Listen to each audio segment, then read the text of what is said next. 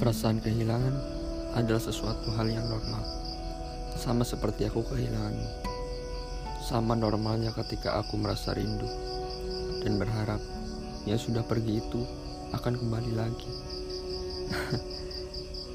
Lalu aku kecewa karena pada dasarnya hal itu tidak akan mungkin terjadi.